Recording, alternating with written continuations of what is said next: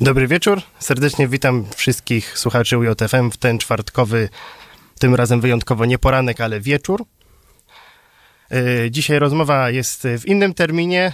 E, ja chciałbym na początku tutaj wyjaśnić, e, pan poseł od początku bardzo chętnie odpowiedział na moje zaproszenie. Nie dogadaliśmy się trochę z biurem prasowym, ale to takie perypetie. Wreszcie długo wyczekiwana rozmowa jest na antenie. Przy mikrofonie Paweł Zarosa, a ze mną w studiu pan Piotr Ćwik, wicewojewoda Małopolski, w poprzedniej kadencji poseł na Sejm, a wcześniej Skawiński samorządowiec, nauczyciel, dyrektor szkoły. Witam serdecznie i bardzo dziękuję Dobry wieczór, witam wszystkich bardzo serdecznie. E, panie pośle, pan do Sejmu trafił dopiero pod koniec e, poprzedniej kadencji, zastępując Andrzeja Dudę, wybranego na prezydenta. To prawda. A później w 2015 roku już nie udało się panu uzyskać reelekcji. E, stanowisko wicewojewody to jest taka nagroda pocieszenia? Stanowisko wicewojewody to jest nowy obszar zadań, którymi teraz się zajmuję. Nie traktuję tego w kategoriach nagrody pocieszenia, dlatego że wybory albo się przegrywa, albo wygrywa. E, Prawo i Sprawiedliwość wybory wygrało, mi nie, nie udało się zdobyć mandatu, natomiast parę rzeczy zawodowo wcześniej w życiu robiłem, mógłbym nie robić dalej. Na dzisiaj zajmuję się pracą w Urzędzie Wojewódzkim, pełnię tą funkcję wicewojewody i realizuję te zadania, które przede mną stoją. Nowy obszar, bardzo ciekawe doświadczenie, bardzo dużo ciekawych rzeczy, bardzo dużo wyzwań, bardzo dużo spotkań z ludźmi. Dla pana posła zmiana jest dobra. Tak. tak. Nie, A jak nie... patrząc nie tylko jako polityk rządzącej opcji, ale jako obywatel, y, czy może pan dzisiaj z, z czystym sumieniem, patrząc na sytuację w kraju, sytuację mm, pozycji Polski mm, międzynarodowej, powiedzieć, że rzeczywiście jest dobra zmiana? Myślę, że działania podejmowane przez rząd Prawa i Sprawiedliwości w ciągu tych miesięcy sprawowania władzy pokazały tą dobrą zmianę. Oczywiście każdy ma prawo do oceny, która jest oceną subiektywną. Przychodzi co cztery lata taki czas, kiedy weryfikowane są działania rządu, polityków, którzy spełniają, e, pełnią swoje funkcje, czyli nadchodzi czas wyborów. Społeczeństwo polskie dokonało takiego właśnie wyboru na jesień 2015 roku. Przez ten czas udało się wdrożyć kilka bardzo ważnych, zasadniczych reform, które w swoim programie Prawo, Prawo i Sprawiedliwość deklarowało, idąc do wyborów parlamentarnych. Czyli realizuje na dzisiaj rząd Prawo i, Prawa i Sprawiedliwości te rzeczy, o których mówił w kampanii. To jest chociażby program 500. Tak, 500 to zawsze. Jak program zmiana, Mieszkanie Plus. plus. O, program, y, który ma poprawić demografię w naszym kraju pokazują, oczywiście to nie to jedno działanie, ale pokazują już na, na dzisiaj pierwsze badania, które są prowadzone, prowadzone, że w roku ubiegłym urodziło się więcej dzieci niż w latach poprzednich, jeśli porównujemy rok do roku. Program Mieszkanie Plus, który wchodzi teraz na wysokie obroty i staje się kolejnym takim kołem napędowym, jeśli chodzi o działania dotyczące mieszkalnictwa. Mamy na terenie Małopolski już na dzisiaj podpisane E, listy intencyjne z BGK Nieruchomości przez kilka samorządów, między innymi miasto Kraków taki list intencyjny podpisało, ale też i samorządy Skawiny, Trzebini. W, w skali kraju to jest około 60 listów intencyjnych, które są podpisane.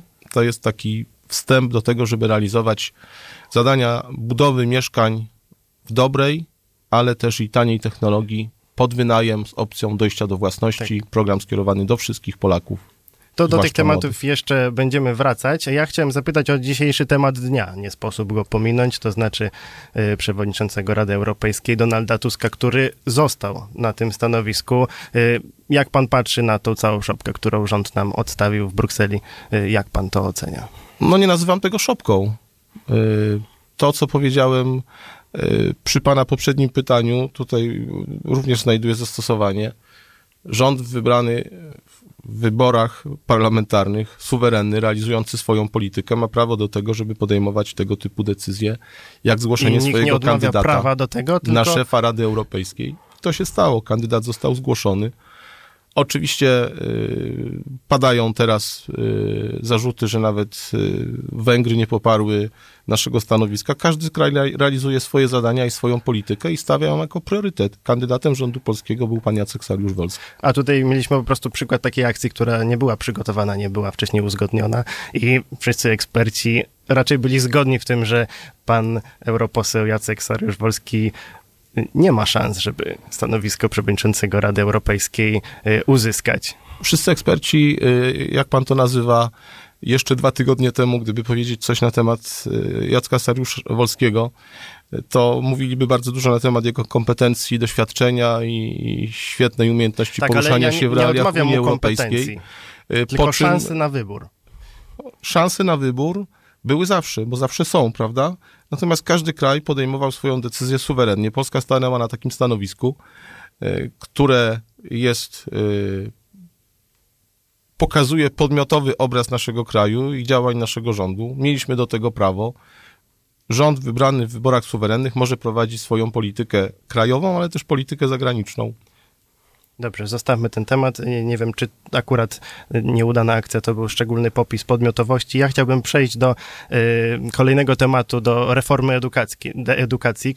Y, ja zdaję sobie sprawę z tego, że pan y, nie jest jednym z twórcą, y, twórców tej reformy, ale jako człowiek y, powiedzmy z branży, jako znawca tematu, bo jest pan nauczycielem, był pan dyrektorem szkoły. Y, czy ta reforma to jest przykład dobrej zmiany, czy nie tak dobrej? Tego chciała większość społeczeństwa. Badania, które były przeprowadzane przed kampanią wyborczą, mówiły o tym, że Polacy chcą tej zmiany, czyli powrotu do systemu 8.4. E, ja przypomnę, że gimnazja w Polsce zaistniały w roku 99, a wcześniej mieliśmy ten system właśnie 8.4. Obserwowaliśmy przez lata taką sytuację pewnego zawężania modelu kształcenia. Dawniej mogliśmy mówić o tym, że yy, absolwent szkoły ponadpodstawowej, szkoły średniej legitymował się pewnym, pewną wiedzą ogólną, którą posiadał. Y, potem po reformie poszliśmy bardzo mocno w y, testy, które były mm, priorytetem. Przygotowanie do testu i, na, i dobre napisanie testu było priorytetem do tego, żeby ukończyć gimnazjum, a potem zdać egzamin maturalny. Profilowanie klas, mm, czego pewnie młodzi ludzie doświadczyli i pamiętają, a chociażby panowie jako osoby w tym wieku, które przeszły przez gimnazjum, profilowanie klas w szkołach ponadgimnazjalnych zawędziło znacząco poziom wiedzy uczniów kończących. I to jest pierwszy krok do tego, aby przywrócić dobry poziom w polskich szkołach. To działanie jest skierowane do polskiego ucznia. E, tak, ale oprócz tego, e, że powiedzmy likwidację gimnazjum, tak jak pan powiedział, popiera nawet większość Polaków, to oprócz tego elementu, który jest wprowadzany, jest jeszcze sposób, w jaki jest przeprowadzana reforma. Ja na przykład patrzę na działania ministra Gowina w Ministerstwie Nauki i Szkolnictwa Wyższego i ten, to, jak on podchodzi do nowej ustawy o szkolnictwie wyższym. Są przygotowane zespoły, ogłoszony konkurs na nową ustawę. Y, od roku y, trwa cały czas ten kongres. Y, pan minister jeździ, rozmawia z naukowcami, rozmawia z przedstawicielami środowisk akademickich. To jest zupełnie inny poziom konsultacji. Tutaj mieliśmy przykład reformy, która właściwie zostało ogłoszone. Społeczeństwo powiedziało, że chce reformy edukacji, zresztą wybrało nas, a przecież myśmy to ogłaszali w kampanii i przechodzimy do realizacji. Czy jest referendum, czy ktoś zbierze podpisy, czy nie zbierze, od razu padła deklaracja ministerstwa, absolutnie nie ma znaczenia, czy będzie to referendum, jaki będzie jego wynik. Jedyne, co się y, tutaj liczy, to to, że reforma już jest wprowadzana. Y, czy ten sposób postępowania nie budzi wątpliwości? Podpisów na dzisiaj, z tego co wiem, zebranych jest 150 tysięcy. Środowiska Związku Nauczycielstwa Polskiego yy, i pewnie opozycji zaangażowały się w takowe zbieranie do tego, żeby yy, podpisy trafiły do Sejmu i projekt obywatelski potrzebnych jest 500 tysięcy, więc ten fakt jeszcze nie zaistniał. Co do tego, kiedy rozpoczęły się prace nad reformą, to ja pamiętam mniej więcej rok temu, bo to był marzec, przyjechała do Krakowa pani minister Zalewska, która już wtedy bardzo szczegółowo mówiła o, o, o pomyśle na wprowadzenie reformy edukacji. Spotkała się z, z samorządowcami z naszego województwa. Sam w tym spotkaniu uczestniczyłem. Takich spotkań na terenie kraju odbyło się szereg z wieloma samorządowcami. Te tematy przenoszone były przez kuratorów oświaty również na poziom województwa.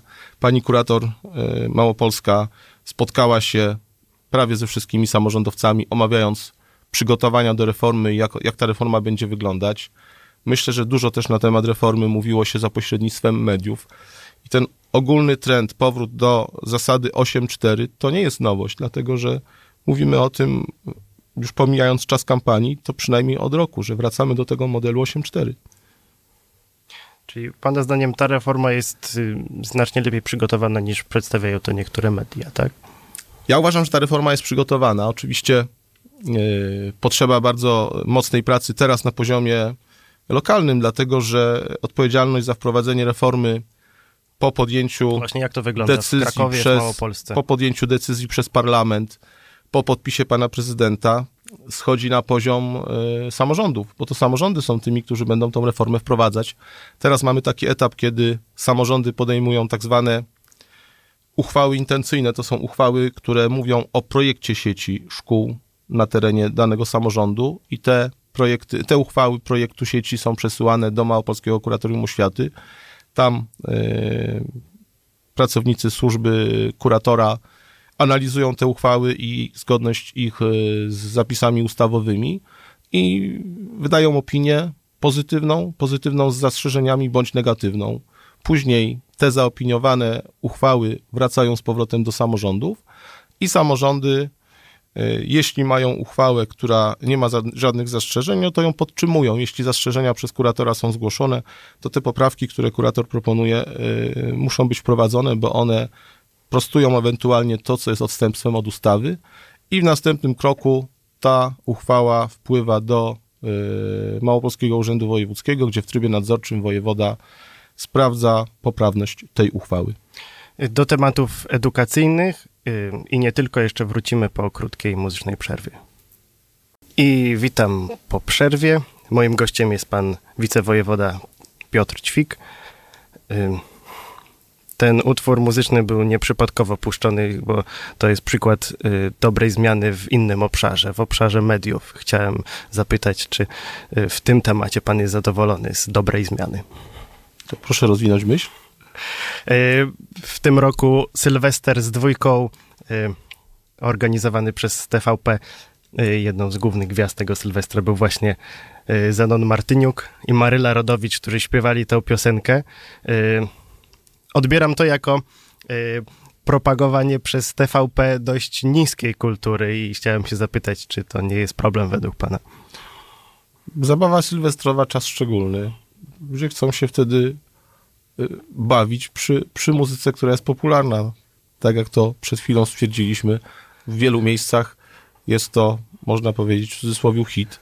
Nie uważam, żeby to była jakaś yy, karygodna sprawa, że akurat przy imprezie sylwestrowej transmitowanej przez TVP taki utwór również się znalazł. Przecież jak popatrzymy, oczywiście, ja wiem, że pan zaraz powie o tym, że jest jednak coś, co, co się nazywa misja telewizji publicznej, ale jak popatrzymy na media komercyjne, to tam y, zapewniam pana, że można znaleźć dużo więcej papki i utworów, które Do mediów kom komercyjnych nie będę się ich Oczywiście, czepiał. że tak, tak, tak. Ja tylko mówię to porównawczo, także nie widzę tu niczego złego. Sam utwór jest miły, melodyjny, wpadający w ucho, chociaż disco polo to nie moja muzyka akurat. Chciałem powiedzieć po prostu, że y, wydaje mi się, że akurat disco polo w TVP to jest dosyć symptomatyczny objaw tego, co się dzieje w telewizji polskiej y, pod rządami y, Jacka Kurskiego.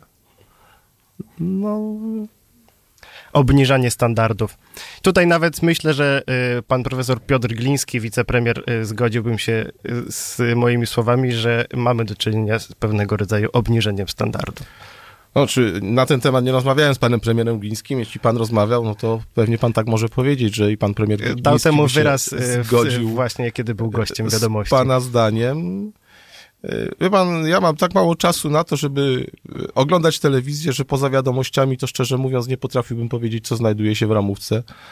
E, także nie umiem się do tego odnieść wprost, natomiast nie, nie, nie dostrzegam jakiegoś wielkiego odstępstwa między tym, co było przedtem, a jest teraz, jeśli chodzi o ramówkę jedynki, jakby ją przejrzeć pewnie, ani dwójki. Dobrze, Ale nie umiem się tak szczegółowo odnieść do tego, że po prostu prawie w ogóle nie oglądam telewizji. To zostawmy ten temat i wróćmy jeszcze na moment do y, reformy edukacji. Teraz chciałem dotknąć y, samej treści tego, co jest nauczane.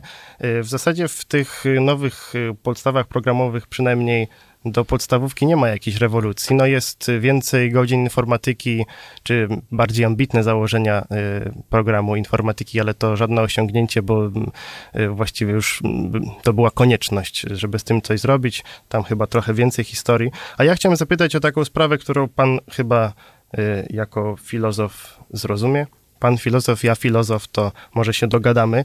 Niedawno naukowcy z Education Endowment Foundation Wielkiej Brytanii opublikowali wyniki swoich prac, świadczące o bardzo pozytywnym wpływie na efekty y, w nauce dzieci w podstawówce, to było badanie w klasach y, drugich, trzecich, lekcji filozofii. Y, wzięło tam ponad 3000 uczniów udział w tym badaniu z 48 szkół, więc dosyć dobrze przygotowane na dużej próbie.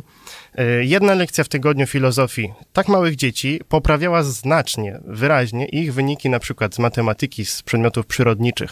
Dlaczego my przy kreowaniu nowej podstawy, nowej edukacji, przy poprawie nie bierzemy pod uwagę takich nowych y, badań.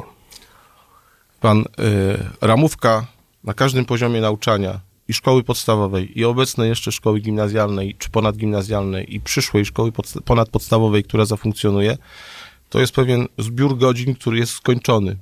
Nie może ich być więcej niż przewiduje rozporządzenie.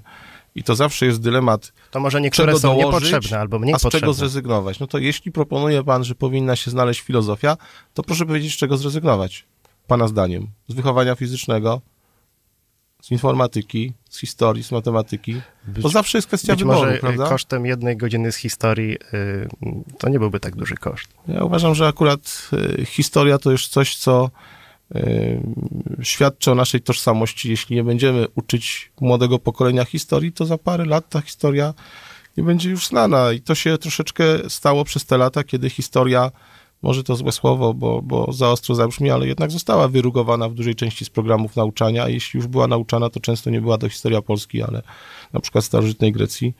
Dlatego przywrócenie godzin historii uważam za dobry ruch. Czy powinna się tam znaleźć filozofia?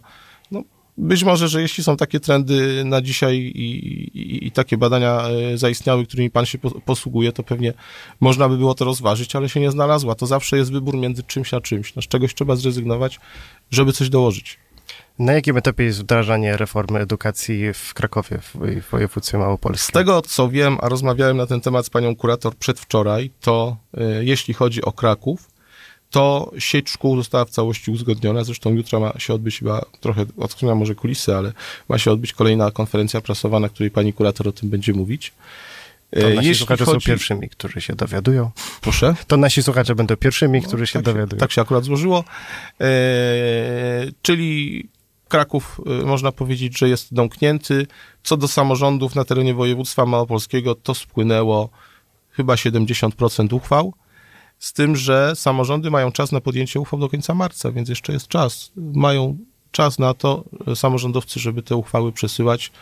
E, kuratorium na bieżąco otrzymując, jak powiedziałem, przygotowuje opinię, zgłasza zastrzeżenia bądź uwagi do treści. Czasem są to uwagi i zastrzeżenia bardzo porządkowe, związane z jakimiś tam małymi niedociągnięciami.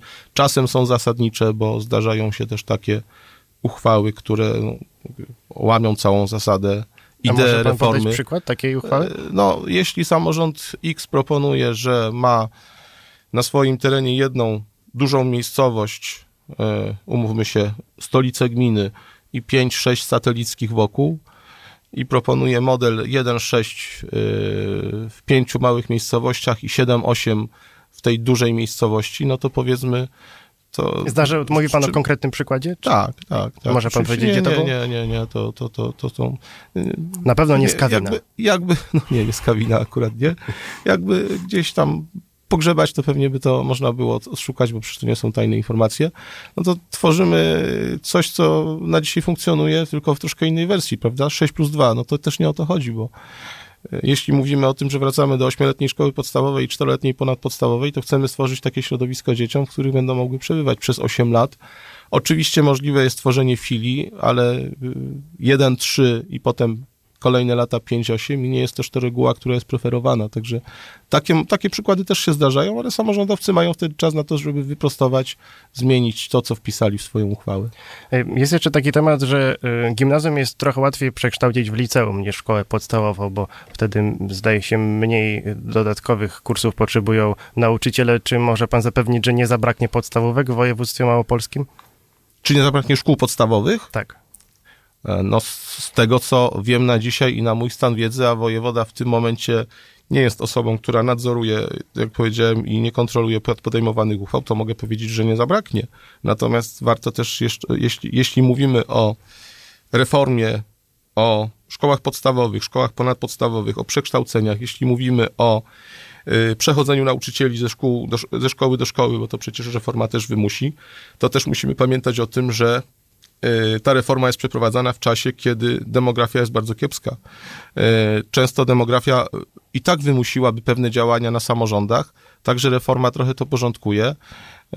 Natomiast nauczyciele muszą się też przygotować na pewną migrację i niekoniecznie będą uczyć w tej szkole, w której uczyli do tej pory. Być może, że będą pracować w innej. Ale na pewno będą gdzieś uczyć. Pani minister wielokrotnie podkreśla, że w związku z reformą żaden nauczyciel nie straci pracy. Ale dlaczego nie zrobimy tak takiej zasady nie wprowadzimy, że w związku z reformą mediów każdy dziennikarz radiowy zostanie w pracy. Dlaczego nauczyciele są taką tutaj szczególno wyróżnioną grupą? Dlaczego, jeśli wprowadzamy reformę, która ma poprawić jakość edukacji, to w związku właśnie z taką reformą nauczyciele, z których jesteśmy niezadowoleni, stracą tę pracę? No, jeśli jest zapotrzebowanie na to, żeby pracowali, to tą pracę znajdują. Co do samej grupy nauczycieli, myślę, że nauczyciele to jest przekrojowa społeczeństwa, podobnie jak każda inna grupa społeczna. Znam bardzo wielu nauczycieli, pracowałem przez 22 lata w oświacie i, i naprawdę poznałem przez ten czas wielu wspaniałych nauczycieli, z którymi miałem okazję współpracować. Mam takie doświadczenie. Pan, pan twierdzi, że, czasów, że nie ma takich nauczycieli, ale, z których możemy być. Chciałem dokończyć zdanie. Ale zdarzają się też takie przykłady osób wypalonych zawodowo, które dochodzą do pewnego momentu, etapu rozwoju i później E, jakoś tam e, no, nie, nie idą bardziej do przodu. E, myślę, że to jest przekrojowo, jeśli chodzi o postrzeganie tej grupy zawodowej, podobnie jak, jak to jest w naszym społeczeństwie. Oczywiście nie da się wszystkich ruchów wykonać od razu.